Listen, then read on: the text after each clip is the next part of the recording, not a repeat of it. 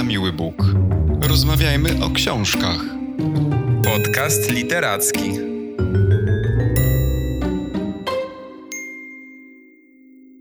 Witamy wszystkich naszych słuchaczy w kolejnym y, odcinku podcastu Na Miły Bóg. Dziś wreszcie będziemy mówić o naszej długo wyczekanej książce Olgi Tokarczuk, Czuły narrator. Książce, która ukazała się nakładem wydawnictwa literackiego, tak żeby tradycji stało się zadość. I książki, która zawiera 12 wykładów e, i esejów y, naszej noblistki. Trzeba tutaj też dodać, że jest to książka, pierwsza książka Olgi Tokarczuk po otrzymaniu literackiego Nobla. No i Maćku, wyczekaliśmy tę książkę i chyba warto było czekać, co nie? Tak, dzień dobry wszystkim. Ja pamiętam ten moment, kiedy usłyszałem, że Olga Tokarczuk wyda nową książkę, pierwszą po Nagrodzie Nobla.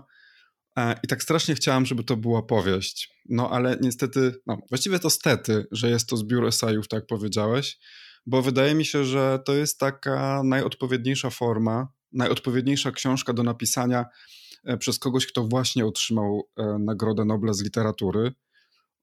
No bo to wiesz, jest to trochę taka książka systematyzująca przemyślenia tej autorki i myślę, że gdy ktoś dostaje Nagrodę Nobla, to oczywiście wszystkie redakcje e, prasowe z całego świata, czy czytelnicy po prostu chcą usłyszeć wiele mądrych słów tej właśnie nagrodzonej e, postaci, no i, e, i jakby doczekaliśmy się właśnie tego typu książki, aczkolwiek nie ma w tej książce zbyt wiele nowych przemyśleń, bo trzeba zwrócić uwagę na to, że Właściwie te eseje i wykłady mm, są bodajże z ostatnich 12 lat. I tak naprawdę jeśli ktoś jest fanem twórczości Olgi Tokarczuk, czy też śledzi na przykład nie tylko jej książki, ale e, chyba przede wszystkim jej wypowiedzi, czy na przykład wywiady, czy to, co się dzieje wokół jej książek, to chyba nie znajdzie w, akurat w, tej, w tym zbiorze tych esejów czegoś takiego zaskakującego, wiesz. Dla mnie na przykład tam nie było zbyt wiele odkrywczych rzeczy, co wcale oczywiście nie znaczy, że książka nie jest dobra, nie, wręcz przeciwnie. E, ja czytając tę książkę tak trochę czułem, jakbym czytał, nie wiem, jakieś wyznania takiej dobrze znanej koleżanki. Mhm. Ale też y, ja zauważam po sobie, bo też niektóre części, y, które znalazły się w tej książce, niektóre teksty miałem okazję słuchać wcześniej, tak jak na przykład wykłady łódzkie. Zauważyłem natomiast to, że jeśli tekst jest napisany, to często trafia on, przynajmniej w moim przypadku, y, bardziej. Bardziej go rozumiem, bardziej potrafię go ogarnąć, mogę wrócić do zdania wcześniejszego. Mhm w przypadku mówionego tekstu nie jest już tak łatwo, mm, więc ja bardzo to doceniam.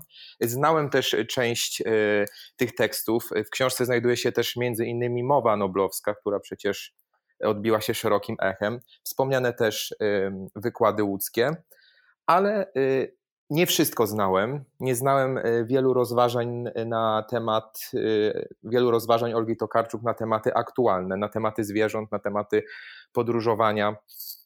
I ja powiem szczerze, że jestem zawsze pod ogromnym wrażeniem czytania tekstów Olgi Tokarczuk, tak samo słuchania tego, co mówi, bo jest to osoba, która e, potrafi patrzeć na świat bardzo całościowo i jakby ona uczy czytelników tego, żeby patrzeć na świat całościowo, a nie fragmentarycznie. Przez co ja jako czytelnik czuję się po prostu bezpiecznie czytając. To jest takie uczucie bezpieczeństwa, y, które, które jest dla mnie bardzo wyjątkowe, bo z uwagi na to, że y, na co dzień świat jest bardzo podzielony, bardzo y, fragmentarycznie, przedstawiany z bardzo fragmentarycznych perspektyw, to można poczuć takie uczucie ciągłe, ciągłego konfliktu. A tutaj ta książka przedstawia bardzo różne perspektywy i tak naprawdę każda z tych perspektyw ma wyjaśnione swoje ugruntowanie, przez co możemy popatrzeć na świat bardziej całościowo i wcale nie, nie myśleć, że on jest tak bardzo spolaryzowany, jaki nam się na co dzień przedstawia. Tak, zgadzam się, ale też dodałbym tylko, że te wszystkie eseje, mimo że dotyczą trochę różnych spraw, tak właściwie jak się przeczyta tę książkę i zakończy właśnie tym esejem noblowskim, tym wykładem noblowskim, to ma się takie wrażenie, że to wszystko się ze sobą jednak mimo wszystko łączy. Mimo, że no właśnie są to zupełnie różne perspektywy, to koniec końców e, to wszystko jest ze sobą powiązane, tak zresztą cały, cały świat, który jest takim właśnie e, systemem wspólnych powiązań, taką siecią i właśnie ta książka trochę to udowadnia. Zresztą mm, motywem wspólnym wszystkich esejów jest właśnie psychologia i ta narracja panoptykalna, czyli takie spojrzenie na świat, jak to już nam powiedziałeś, całościowe, które pozwala zobaczyć wszystkie elementy świata, powiedzielibyśmy, za jednym razem, choć na pozór wydaje się to właściwie niemożliwe. Jakbyś miał wybrać jedno słowo, którym określiłbyś tę książkę, co byś powiedział? Dla mnie osobiście rewolucyjna. Dlatego, że zwraca moją uwagę na kwestie, na które wcześniej nie zwracałem uwagi. Y, przede wszystkim w kwestii y, mówienia o literaturze, o warsztacie samej pisarki. To są bardzo interesujące teksty, które mm, pozwalają mi jako czytelnikowi, tak myślę na przyszłość, bo jeszcze żadnej książki nie czytałem po czułym narratorze, ocenić rolę narratora, o którym Olga Tokarczuk w czułym narratorze właśnie mówi, w dużo bogatszy i świadomy sposób. Tam się pojawiają bardzo różne e, formy narracyjne, bardzo różne rodzaje narratorów. I, I, dla mnie osobiście taki podział i, i, ten, i ta relacja między autorem a samym e, narratorem, jak się okazuje, który wcale nie musi być e, jedną i tą samą osobą, i zazwyczaj nie jest, mhm to jest dla mnie najbardziej odkrywcze i właśnie powiedziałbym rewolucyjne. Dla mnie jako czytelnika, ale podchodzę do tego indywidualnie, nie chcę, nie chcę używać tego słowa jako y, jakiś punkt odniesienia dla wszystkich, którzy przeczytają czułego narratora.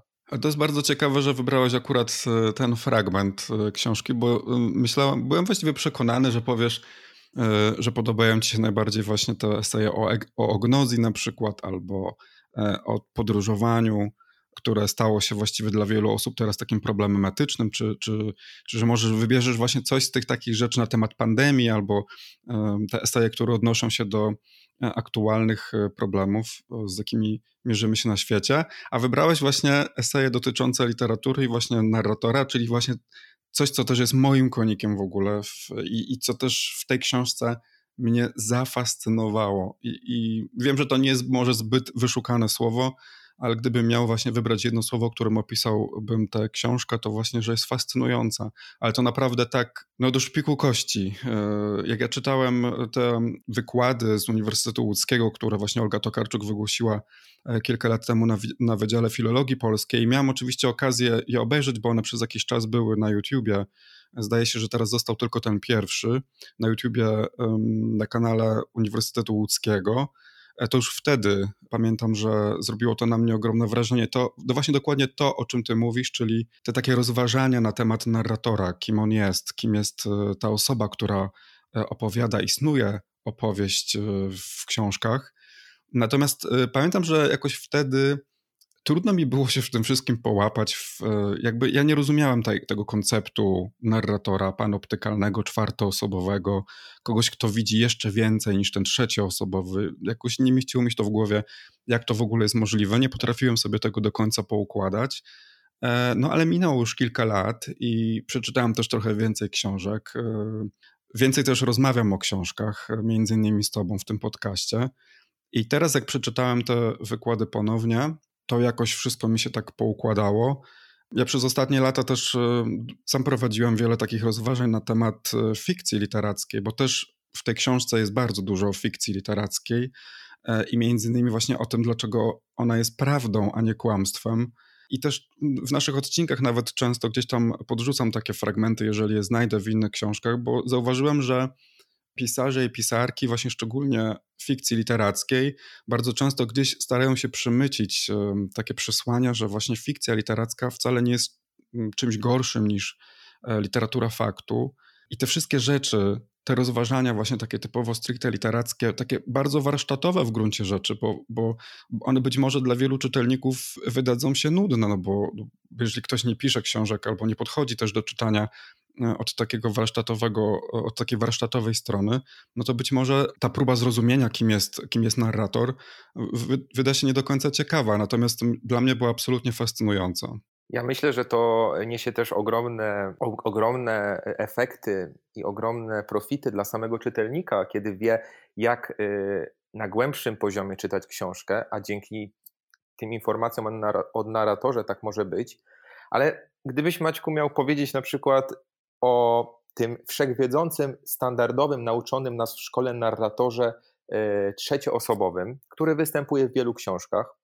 I gdybyś miał go porównać do narratora wykreowanego przez Olgę Tokarczuk, właśnie tego narratora nazwanego panoptykalnym, to jakie według Ciebie te cechy tego nowego narratora są inne w porównaniu do tego znanego nam wszechwiedzącego narratora? Może wyjaśnię to słowami Olgi Tokarczuk, bo akurat e, mam tu taki fragment. Wyjąwszy wszelkie wątpliwości teologiczne, możemy uznać tę figurę tajemniczego i czułego narratora za cudowną i znamienną. To punkt, perspektywa, z której widzi się wszystko. Widzieć wszystko to uznać ostateczny fakt wzajemnego powiązania rzeczy istniejących w całość, nawet jeżeli te związki nie są jeszcze przez nas poznane. Widzieć wszystko oznacza też zupełnie inny rodzaj odpowiedzialności za świat, ponieważ staje się oczywiste, że każdy gest tu jest powiązany z gestem tam, że decyzja podjęta w jednej części świata poskutkuje efektem w innej jego części, że rozróżnienie moje i twoje zaczyna być dyskusyjne. Także jest tu ewidentnie jest takie powiązanie między tym mm, narratorem panoptykalnym i czułem, czyli tym, który właśnie widzi cały świat jako jedność i mam takie wrażenie, że ten taki trzecioosobowy narrator, zresztą znany z tych takich e, klasycznych powieści, to jednak jest taka kamera ustawiona, zawieszona nad miejscem e, akcji. To nie jest taki narrator, który widzi dużo więcej niż historia, która jest, czy, czy, też fakty, które są potrzebne do opisania historii konkretnych bohaterów. Bardzo mi się podobał fragment w księgach Jakubowych, no, których jeszcze niestety nie przeczytałem w całości, tylko we fragmentach, kiedy właśnie pojawia się Jenta, czyli taka właśnie narratorka panoptykalna, zawieszona jeszcze nad wszystkimi innymi narratorami. E, I to Karczuk e, pisze, że, że jęta widzi nawet soki i wodę płynące pod korą drzewa. Więc to jest e, rodzaj takiego narratora, który prześwietla wszystko. Nie ma dla niego żadnych tajemnic. Ja pozwolę sobie tutaj od razu do Twoich słów się odnieść fragmentem ten narrator panoptykalny dysponuje intuicją, czy lepiej konintuicją, czyli umiejętnością zobaczenia wszystkiego jednocześnie i błyskawicznie, spontanicznego dopasowania do siebie wielu danych i uchwycenia całej ich złożonej istoty w jednym przebłysku myślowym. Tak, i to jest taki wiesz też um, bardzo syntetyczny narrator, nie? czyli właściwie coś, co um, synteza jest taką cechą dobrych pisarek i pisarzy, czyli właśnie ludzi, którzy potrafią powiązać ze sobą um, na pozór odrębne, niepasujące do siebie rzeczy e, i w wyniku tego typu syntezy e, bardzo często powstają właśnie no, najlepsze teksty, najlepsze pomysły, najlepsze książki. E, I, I tak jak jest to w, też wyjaśnione w tym pierwszym eseju, wprowadzającym w ogóle nowy termin do słownika, ognozja, czyli właśnie patrzenie na świat w sposób całościowy, na świat jako system licznych powiązań, no to właśnie ten narrator panoptykalny skupia w sobie te wszystkie cechy, o których przed chwilą powiedzieliśmy. Jest taki właśnie syntetyczny i potrafi w, nie tylko opisuje to, co dzieje się z bohaterami, ale jednocześnie potrafi w jakiś sposób to syntetycznie spiąć w, takim, w takiej, takiej światowej perspektywy, czy powiedzielibyśmy wręcz z takiej kosmicznej perspektywy i wyciągnąć jakieś sensowne, błyskotliwe wnioski tak jak mówisz, y, fascynujące jest to, jak Olga Tokarczuk przedstawia nam te relacje autor-narrator. Ona też pisze, że w księgach Jakubowych w pewnym momencie zastygła jej, y, jej, jej potencjał twórczy, że nie wiedziała, jak przejść dalej, dopóki nie pojawił się bohater o imieniu Jenta, który był właśnie tym, y, który pełnił tę funkcję narratora panoptykalnego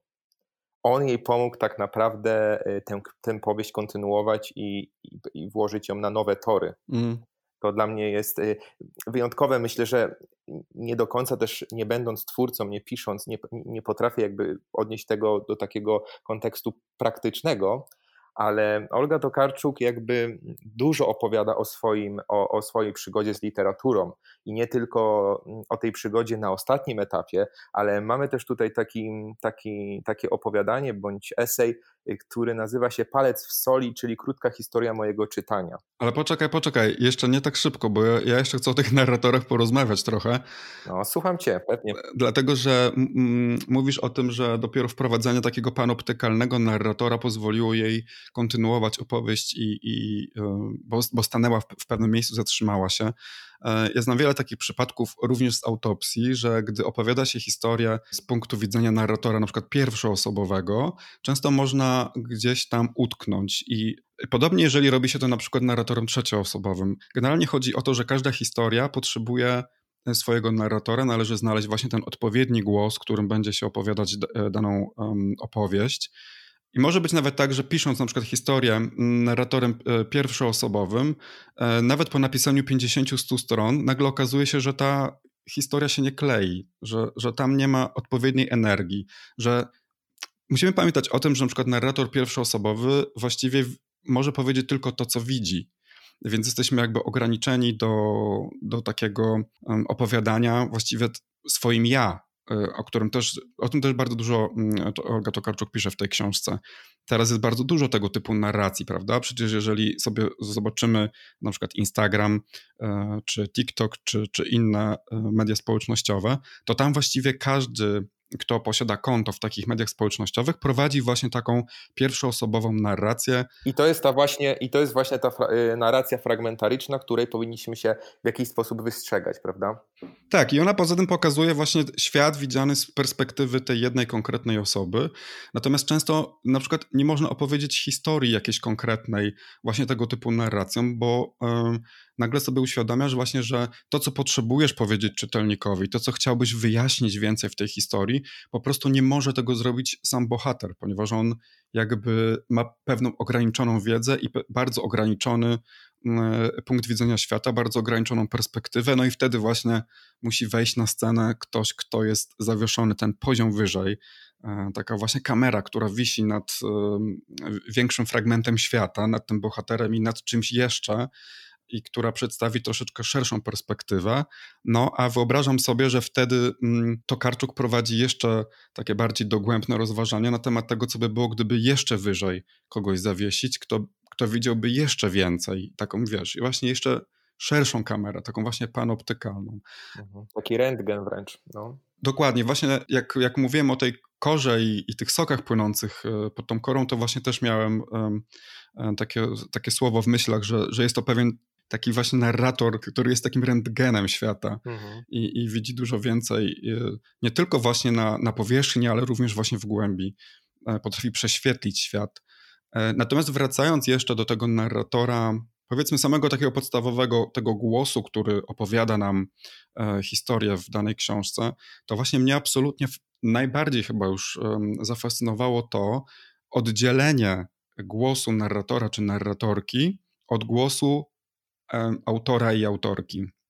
Prawda, że jakby nie zawsze, na przykład weźmy pod, y, pod lupę książkę Prowadź swój pług przez kości umarłych. Tam narratorką jest Janina Duszejko i ktoś, kto czyta książkę z narracją pierwszoosobową, bardzo często ma tendencję do utożsamiania narratorki z autorką w tym przypadku. I e, w pierwszej chwili możemy mieć takie wrażenie, że to właściwie to mówi Olga Tokarczuk. No przecież ona to napisała, prawda? E, większość jej poglądów raczej się zgadza z poglądami Janiny Duszejko, czyli na właśnie ochrona e, natury, zwierząt, przyrody i tak dalej. No i, ale właśnie okazuje się, że tak nie jest, że ten głos, który opowiada w książce, nie jest takim głosem autorki. To jest głos, który autorka znalazła gdzieś w sobie.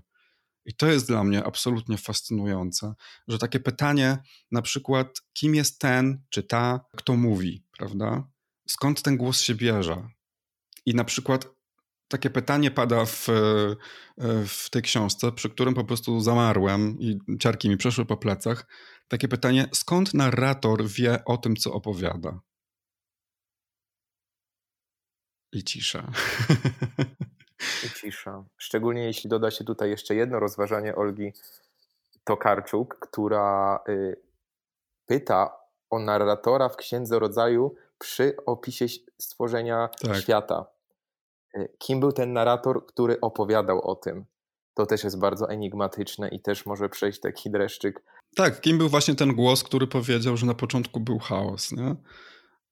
No, bardzo, bardzo ciekawe są te rozważania i, i też bardzo mi się podobało, skąd narrator wie o, o, tym, co opowiada i kto mu daje energię w ogóle do, do tego pisania. No to, to oczywiście, że postać e, pisarki, I trochę tak wychodzi na to, że ci narratorzy to są po prostu jakieś takie nie wiem, jakieś takie umarłe twory albo takie w, twory w półżywe, które gdzieś tam pasożytują e, w ciele autora czy autorki. Zresztą tutaj Tokarczuk przywoływała film Obcy, ósmy pasażer Nostromo i właśnie to są te takie głosy narracyjne są uwięzione gdzieś w umyśle czy w ciele mm, autorki. Mm, wiesz, często się na przykład, jak słucha się różnych pisarzy i, i pisarek, to oni często mówią o tym, że że historia sama do nich przyszła, że po prostu było coś w ich głowie, co kazało im to, to napisać i e, domagało się opowiedzenia jakiejś danej konkretnej historii. I myślę, że oni,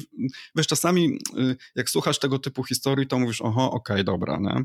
Ale, ale jest trochę tak, że coś w tym jest, bo, bo, bo wszyscy mówią bardzo podobnym e, głosem i trochę tak jest, że właśnie jakiś jeden z tych głosów, które gdzieś tam istnieją, być może na przykład w podświadomości, no nie wiem, nikt tego pewnie nie wie, nagle, nagle puka do świadomości i mówi, napisz moją historię, tak? I wtedy, I wtedy właśnie autorka karmi swoją energią, y, poświęca czas y, temu narratorowi i jakby zapewne w, w bólach w jakiś sposób go rodzi i przelewa te jego, te jego słowa na papier. Oczywiście myślę, że też nie zawsze to jest aż tak metafizyczne, bo to mówimy o pewnym też wycinku literatury, nie sądzę też, że takie tak zwane czytadła, po które też czasami sięgamy po to, aby się po prostu odprężyć, zrelaksować na plaży na przykład.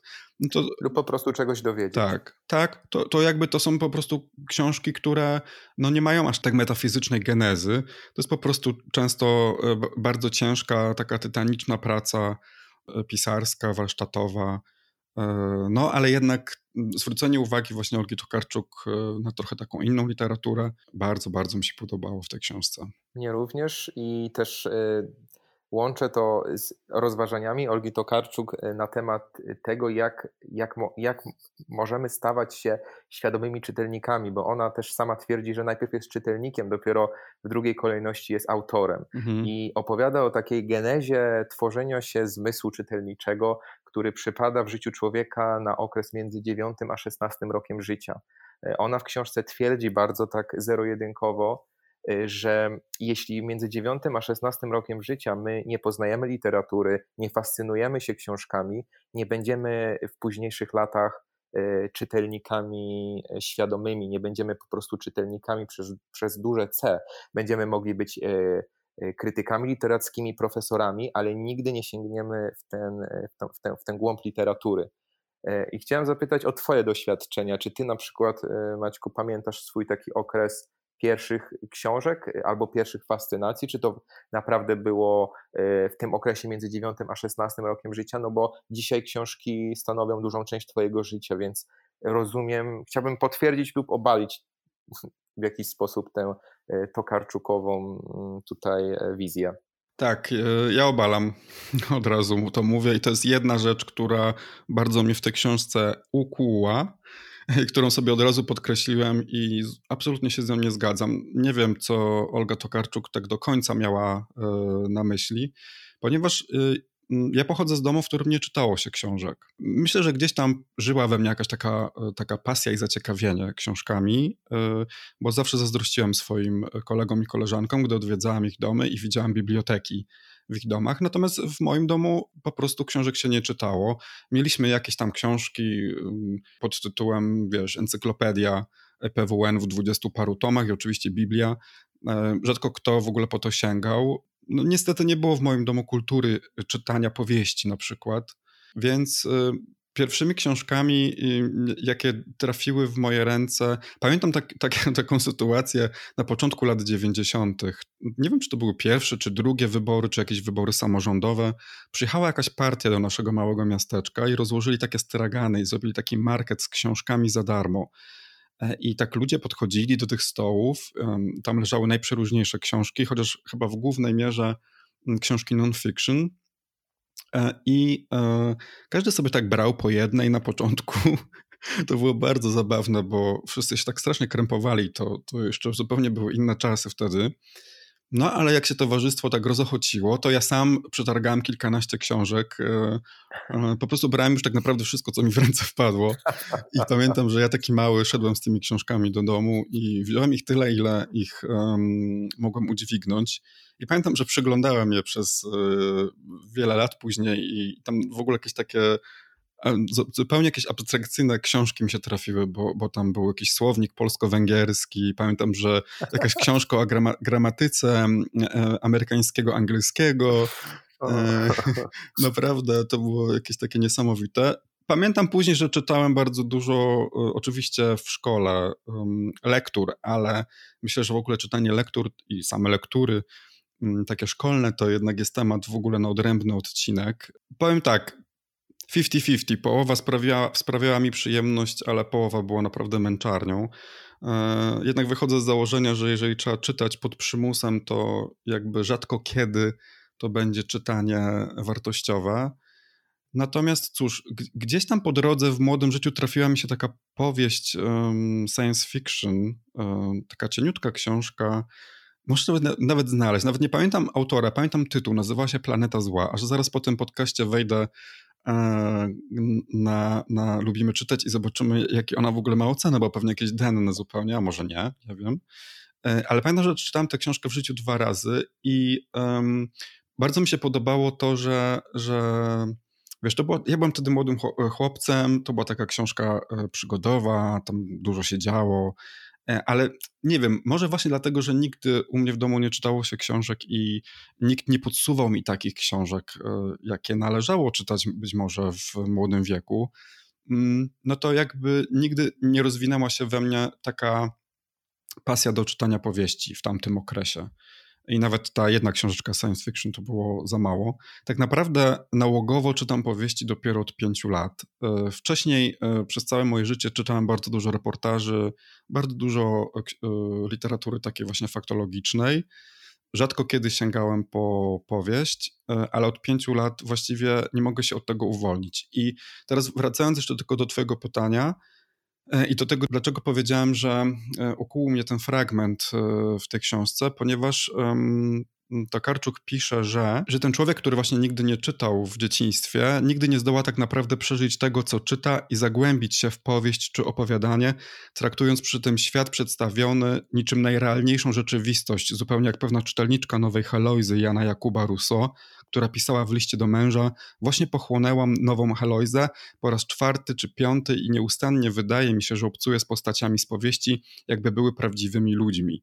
E, no i tutaj e, muszę zadać kłam temu fragmentowi, ponieważ e, w moim już takim dorosłym życiu czytelniczym zdarzały się książki i jedną z nich właśnie było Małe Życie Hani Jana Gichary, gdy odkładając książkę, autentycznie martwiłem się losami bohaterów w taki sposób, jakby to byli moi najlepsi znajomi.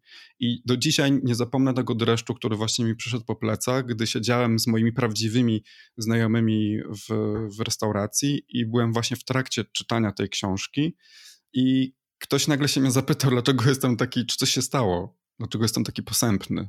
Ja nawet, się, nawet nie byłem świadom tego, że coś e, z, moim wyrazem twarzy jest nie tak. I ja po prostu zacząłem ją opowiadać, że czytam właśnie niesamowitą książkę, która mnie po prostu tak chwyciła za serce i tak bardzo ją przeżywam, jakby te postaci, e, nie wiem, no, były członkami mojej rodziny albo byli moimi znajomymi. To było naprawdę niesamowite przeżycie. No i jak się okazuje, przeżyłem właśnie dokładnie to, e, o czym pisze to Karczuk, bez jakiegoś wyraźnego takiego literackiego przygotowania. Mhm, w młodym wieku. W dzieciństwie. Y, mhm. A jak to wyglądało u ciebie? Wiesz co, y, przede wszystkim chcę powiedzieć, że bardzo cieszę się, że trafiłem na, e, na tego czułego narratora, bo to też mnie zmusiło do e, i zachęciło w zasadzie do przypomnienia sobie o tych moich przygodach czytelniczych e, w, dziecię, w dziecięcym wieku. Ja y, mi czytano też y, przez pierwsze lata, kiedy już miałem tą świadomość odbierania faktów, czytano mi książki. Babcia czytała mi zawsze Biblię dla dzieci. Ja byłem totalnie zafascynowany tymi opowieściami. To był Stary Testament, czyli tam się działo bardzo dużo. To były bardzo ciekawe, interesujące postaci, zdarzenia y, bardzo zjawiskowe, wybuchy, y, wielkie świątynie, wielkie boskie kary. Także ja przeczyta, babcia przeczytała mi tę Biblię dla dzieci może 20, może 30 razy, bo ja za każdym razem prosiłem ją o kolejny raz. Ja chciałem jeszcze raz posłuchać o tych bohaterach, jeszcze raz y, poznać i przypomnieć sobie te miejsca, które we mnie tyle emocji budziły. Byłem też wychowywany w rodzinie y, mocno y, praktykującej katolicyzm, więc y, byłem zafascynowany też kolendami. Miałem śpiewnik kolend i czytałem nałogowo kolendy, kiedy już umiałem czytać. Teksty kolend mam na myśli. Znałem je na pamięć, także to, to, to, to też przejawiało się w ten sposób. To było moje pierwsze czytanie. Później ja, mam, ja miałem to szczęście, że w tym moim wieku, kiedy byłem wczesnym nastolatkiem, pojawił się, pojawiła się saga książek o Harrym Potterze, więc pochłaniałem je no tak naprawdę masowo i bardzo szybko. Nie wiedziałem nawet, że mogę czytać tak szybko, ale to były książki, które bardzo mnie zainteresowały w tamtym czasie i jakkolwiek to nie brzmi, ten cały świat magii, który był tam przedstawiony, ja też potrafiłem przedstawiać, e, przedstawiać i, realizować w jakiś sposób, odnosić się do niego w swojej codzienności, nawet e, przebierając się w postaci z Harry'ego Pottera na jakieś bale przebierańców w szkole i tak dalej. E, myślę, że to czytanie tego Harry'ego Pottera przypadałoby tam na ten okres między 9 a 16 rokiem życia. I warto jest, myślę, pomyśleć sobie o tych swoich pierwszych Y, doświadczeniach książkowych. Ten czuły narrator mnie do tego zmusił, a nawet sobie y, w weekend y, pojechałem do rodziców i wziąłem dwie książki, które pamiętam z dzieciństwa i włożyłem je do, swoje, do swojej obecnej biblioteczki, żeby, żeby to jest taki mój relikt, mój, mój symbol, który, który tak naprawdę teraz emocjonalnie sporo dla mnie znaczy. I, i rzeczywiście, ale jak to wpływa na moje obecne obcowanie z literaturą? No, ty przedstawiłeś zupełnie opozycyjną historię i dzisiaj też przeżywasz tą literaturę. Ja też y, regularnie sięgam po książki, bo chcę tego, więc mogę tylko domniemywać, że to mogło mieć wpływ na, na to, jak dzisiaj odbieram literaturę. Mhm, ale wiesz, to tam jest też fajny esej o pisaniu, E, i też taki esej skierowany do studentów e, creative writing e, na Uniwersytecie w Santa Maddalena. I ten esej, mimo że w swojej wymowie był dla mnie trochę pesymistyczny, bo on też na przykład mówi między innymi o tym, że właściwie dorosło, według Olgi Tokarczuk, dorosło już ostatnie pokolenie czytaczy, ludzi czytających i w sumie nie wiadomo, co dalej z tym czytaniem będzie.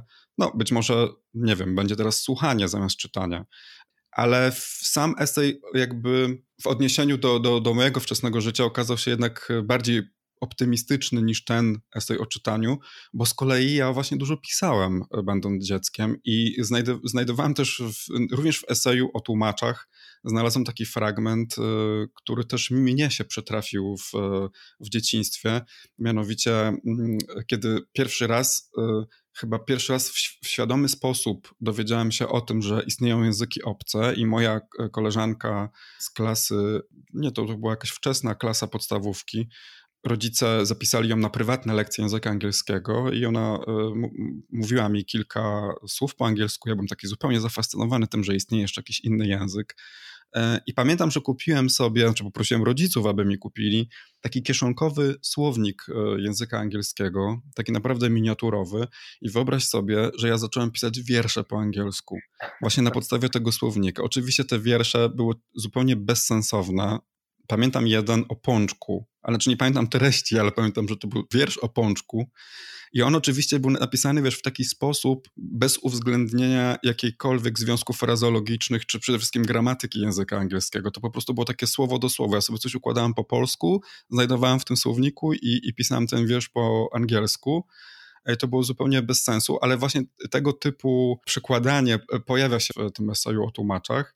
Ale wracając do tego eseju o pisaniu, bo też gdzieś tam e, w którymś e, momencie przewija się mitologia Parandowskiego, e, którą Olga Tokarczuk pochłaniała i to też było coś, co ja pochłonąłem naprawdę na jeden raz. To było bodajże w pierwszej klasie liceum i pamiętam, że mieliśmy takie wypracowanie, że przez półtorej godziny trzeba było pisać coś o tej mitologii i pamiętam, że napisałem wtedy bodajże 20 stron I moja nauczycielka była w autentycznym szoku, kazała mi wstać i się pokazać, który to ja, bo wtedy jeszcze jakby nie znała tej naszej całej klasy.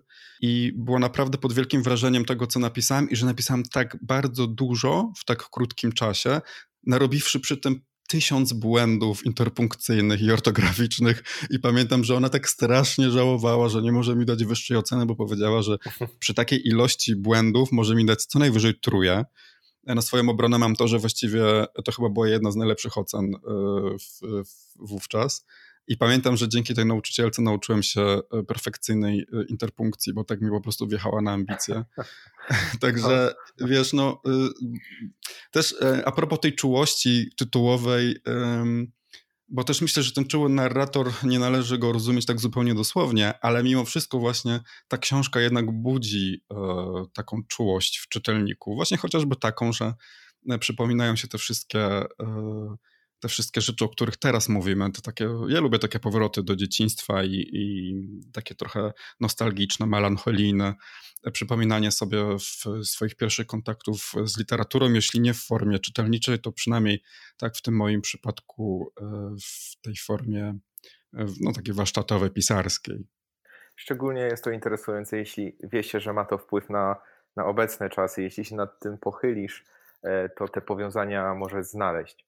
Ja się chciałem jeszcze, wiesz co, a propos tego tytułu, czuły narrator, odnieść ogólnie do retoryki, jaką stosuje Olga Tokarczuk, bo cały czas trafiają do mnie jakieś takie głosy, że ona prezentuje jakiś jeden bardzo restrykcyjny i skrajny światopogląd, że hołduje w taki bezkompromisowy sposób tym wartościom lewicowym. E, oczywiście takie zarzuty pojawiają się z tej drugiej strony zazwyczaj, ale mm, myślę sobie, że myślę sobie, że ja się z tym zgodzić nie mogę, że ona przedstawia takie poglądy, ale z racji tego, że cały czas patrzy ona na ten, na ten nasz świat bardzo kompleksowo i przedstawia różne punkty widzenia, y, zarówno związane z tradycją chrześcijańską, jak i z każdą inną kulturą, która, z którą miała okazję obcować i którą poznała, często też w sposób naukowy, to wszystko to, co ona pisze i postawy, które przedstawia, bardzo różne często, y, z tych różnych światów, czy to prawych, czy lewych, że tak to określę, one są zawsze przedstawione z y, bardzo dużą wyrozumiałością i delikatnością. I dla mnie to jest ta czułość, która, mm, która może uczyć czytelnika delikatnego patrzenia na odmienność. Mhm. Y, przyjmowania tego, że inna perspektywa też ma jakąś genezę i też ma, też ma jakiś swój początek i nie jest po prostu taką y, reakcją w afekcie. To, to zawsze ma gdzieś, gdzieś swoją genezę i, i jakieś konkretne ugruntowanie. I uważam generalnie, że wszyscy ci, którzy zarzucają Oldze Tokarczuk to, że nie jest y, na przykład y, mocno związana z, y, z, z, tą, z tymi wartościami konserwatywnymi, pochodzącymi z tradycji chrześcijańskiej, chciałem powiedzieć, że właśnie patrzenie na człowieka z wyrozumiałością i akceptowanie różnych postaw, które oczywiście są akceptowalne w taki moralny sposób, to jest właśnie patrzenie chrześcijańskie.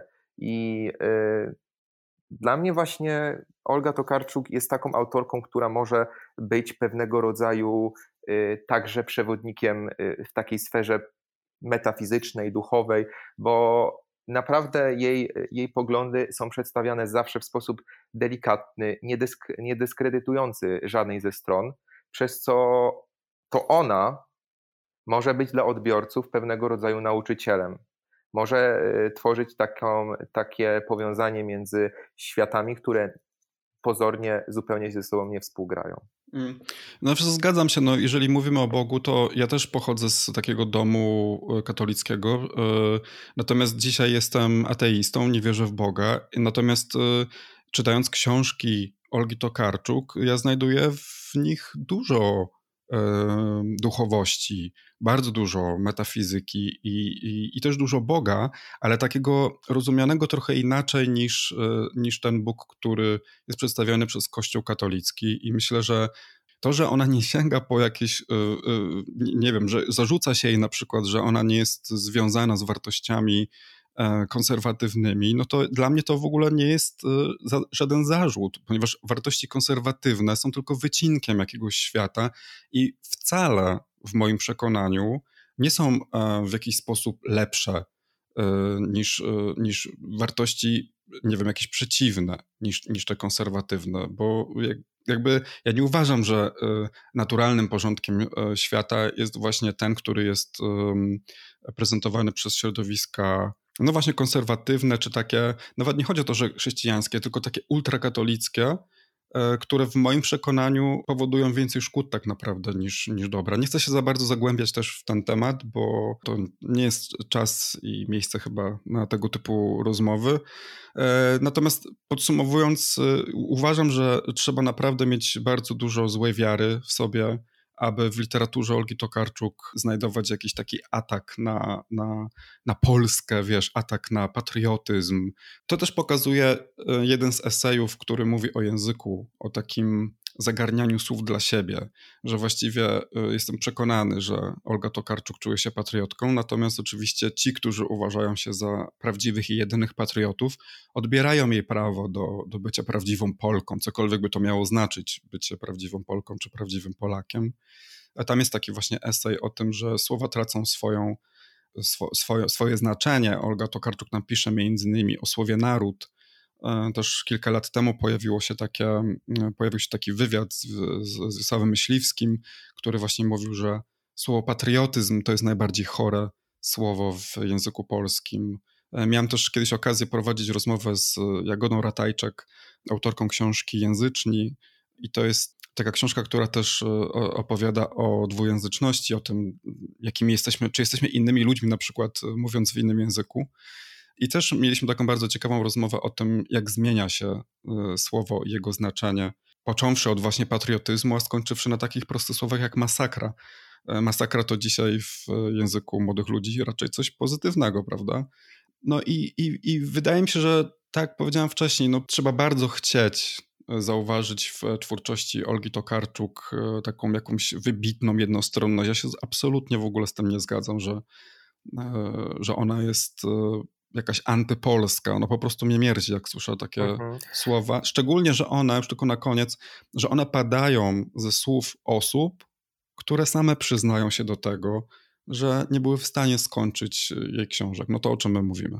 No takie posądzanie jej o antypolskość, no to y, musi być tylko i wyłącznie wynik bardzo fragmentarycznego podchodzenia do jej dzieł.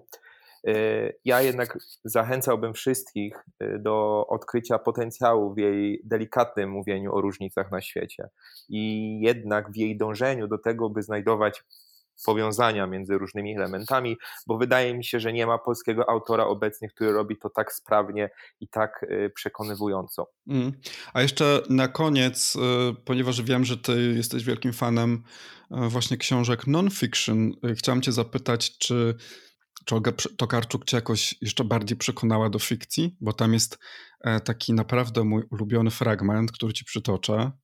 Z wiekiem przychodzi najczęściej jakiś rodzaj autyzmu. Przestają nas interesować powieści, zaczynają nas nudzić opisy. Wydaje się nam, że więcej interesujących rzeczy znajduje się w biografiach i monografiach, że fakty są ciekawsze niż obrazy czy dialogi. Zaczynamy uprawiać kult faktów, nawet jeżeli są one spreparowane przez rządnych sensacji dziennikarzy. Czcią otaczamy przypisy, wierząc, że odsyłają do prawdy. W końcu zaczynamy myśleć, że powieść kłamie, zmyśla, że to płocha rozrywka, a więc nie jest do niczego potrzebna. Wtedy stawiamy autorom to niemądre pytanie, na ile opisywane wydarzenia są prawdziwe. Chciałem się zapytać o to, bo jak czytałem ten fragment, to znowu przypomniało mi się moje dzieciństwo i to, jak e, my oglądaliśmy bardzo dużo filmów w domu. I pamiętam, mm, jak przed filmami kiedyś pojawiały się takie napisy, że uwaga, film oparty na wydarzeniach autentycznych, albo ten film jest oparty na faktach. I pamiętam, że u nas to tak w domu powodowało takie wzburzenie, o szybko, szybko, bo to jest film na faktach. Wiesz, po prostu nie docenialiśmy nigdy, znaczy nie wiem, czy nie docenialiśmy, po prostu nikt tak nie myślał w taki sposób, że, że właściwie dlaczego film tak naprawdę stworzony na fikcyjnym scenariuszu miałby być, nie wiem, gorszy od filmu na faktach. Jednak jest chyba w ludziach coś takiego, że jeżeli coś wydarzyło się naprawdę, to ma jakąś taką e, większą wartość, a, a przecież to też jest cytat, fikcja jest w pewien sposób mocniejsza niż rzeczywistość, a jej postaci prawdziwsze niż ta żyjąca. Oto wielka tajemnica literatury. Tak pisze Tokarczuk. No na pewno y, to odkrywa mi potencjał y, powieści, bardziej niż do tej pory. Y, oczywiście za, y, od, od, od, długiego czasu doceniam po, powieści i y, większość z nich czytam z zapartym tchem. Gdzieś tam uciekałem być może do literatury faktu instynktownie, natomiast rzeczywiście, jeśli miałbym szukać takiej, takiego gatunku, który jednak patrzy świat panoptykalnie, to myślę, że powieść y, daje nam większą szansę, żeby y, taki, taką szeroką perspektywę posiąść. Więc jak najbardziej będę tutaj z chęcią y, zgłębiał powieści, równie z tymi literaturami, z literaturą faktu. Wszystko przede mną, wszystko przed nami. Czytajmy jak najwięcej. No właśnie, tutaj też Tokarczuk przywołuje taką jedną z, naj, z najstarszych definicji e, fikcji literackiej, która pochodzi od Arystotelesa i który właśnie stwierdził, że fikcja jest zawsze jakimś rodzajem prawdy. E, I tak nawet też ostatnio mówiliśmy, że mm, czy też właśnie przy Ferrante, czy na przykład przy Bator, o której też pewnie niedługo będziemy mówili, mm, one też zwracają uwagę na to, że, że fikcja w gruncie rzeczy jest no, pewnym, mm, taką pewną ubarwioną wersją rzeczywistości, prawdy i też to, co mnie bardzo w jakiś sposób fascynuje w literaturze, w fikcji literackiej, to to, że zobacz, że w gruncie rzeczy używa się tak naprawdę kłamstwa do tego, aby opowiedzieć o prawdzie.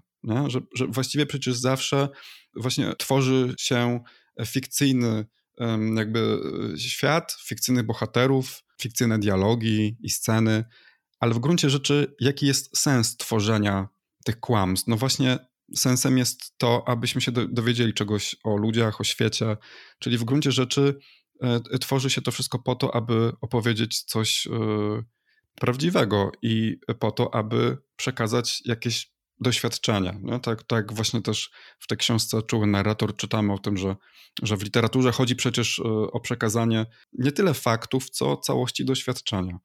Jakoś bardzo, jeszcze bardziej mnie scementowała e, ta książka e, z, z fikcją literacką, co wcale nie oznacza oczywiście, że nie będę sięgać po reportaże czy, czy, czy po inną literaturę non-fiction. Nie o to chodzi, aby teraz czytać tylko i wyłącznie powieści fikcyjne, ale właśnie o to, aby ich tak nie odrzucać łatwą ręką. Ja ostatnio obserwuję taki, jakiś taki trend właśnie odwracania się plecami do, do fikcji literackiej, że ludzie, którzy czytają już od wielu, wielu lat, nagle mówią, że już mam dość fikcji literackiej, teraz będę czytać właśnie tylko biografię albo, albo reportaże. No ale w gruncie rzeczy właściwie to dlaczego? Jak najbardziej. Y, powieści mają w sobie niezwykły potencjał i, i czuły narrator y, tylko to potwierdza. Ja chciałem jeszcze dodać, że dla wszystkich tych, którzy, mm, których y, interesują tematy dotyczące nas na co dzień, na przykład kwestia traktowania zwierząt, kwestia e, podróżowania, tego jak bardzo eksploatujemy naszą planetę, co możemy sądzić o podróżach samolotami. Te wszystkie tematy są również e, podjęte w czułym narratorze z komentarzem tutaj, e, z szerokim komentarzem Olgi Tokarczuk. To jest wszystko napisane bardzo interesująco i też bardzo wartkim i wciągającym językiem. Także bardzo wiele motywów pojawia się w tej, y, w tej, w tej książce, co zresztą, o czym zresztą świadczy też nasza dzisiejsza rozmowa. Przeszliśmy tak naprawdę przez bardzo y, różnorodną, zróżnicowaną dyskusję y, na różne elementy, które wszystkie łączą się w tym słowie czuły narrator. Tak, no widzisz, dlatego właśnie potrzebowaliśmy trochę więcej czasu, bo ten odcinek właściwie powinien zostać mm, wyemitowany tydzień temu, ale mm, no cóż, potrzebowaliśmy trochę więcej czasu, aby pomyśleć o tej książce, bo ona jest, jak widzicie, bar, jak słyszycie, bardzo złożona.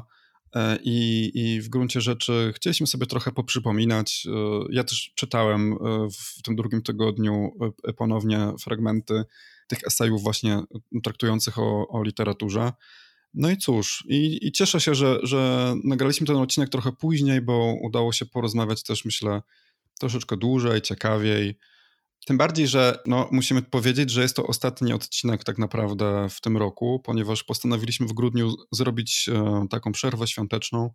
Chcielibyśmy trochę też nadrobić e, inne lektury, o których z pewnością opowiemy Wam już w styczniu. Być może coś jeszcze się pojawi w tak zwanym międzyczasie pomiędzy tymi naszymi sezonami. Ja tylko na koniec chciałbym jeszcze powiedzieć, że 10 grudnia, czyli już za 4 dni, o godzinie 19 odbędzie się jedyne w tym roku spotkanie z Olgą Tokarczuk wokół e, tej nowej książki. Spotkanie poprowadzi profesor Ryszard Koziołek. E, cały ten wywiad będzie transmitowany na Facebooku. E, jeżeli interesuje Was, co Olga Tokarczuk ma do powiedzenia o czułym narratorze, i pewnie nie tylko, to w imieniu organizatorów e, zapraszamy Was na event na Facebooku. E, tytuł tego eventu to Czuły narrator Rok po Noblu. No właśnie, bo to też jest, e, będzie pierwsza rocznica wręczenia literackiej Nagrody Nobla. Tak, to na pewno będzie wyjątkowe wydarzenie i rzadko mamy okazję słuchać ostatnio Olgi Tokarczuk, więc tym bardziej zapraszamy przed ekrany monitorów. Dziękujemy Wam za dzisiejszą uwagę. Y, do usłyszenia niebawem. Tak, do usłyszenia w styczniu zapewne. A może niekoniecznie. Zobaczymy. Do usłyszenia. Na miły Bóg. Rozmawiajmy o książkach. Podcast literacki.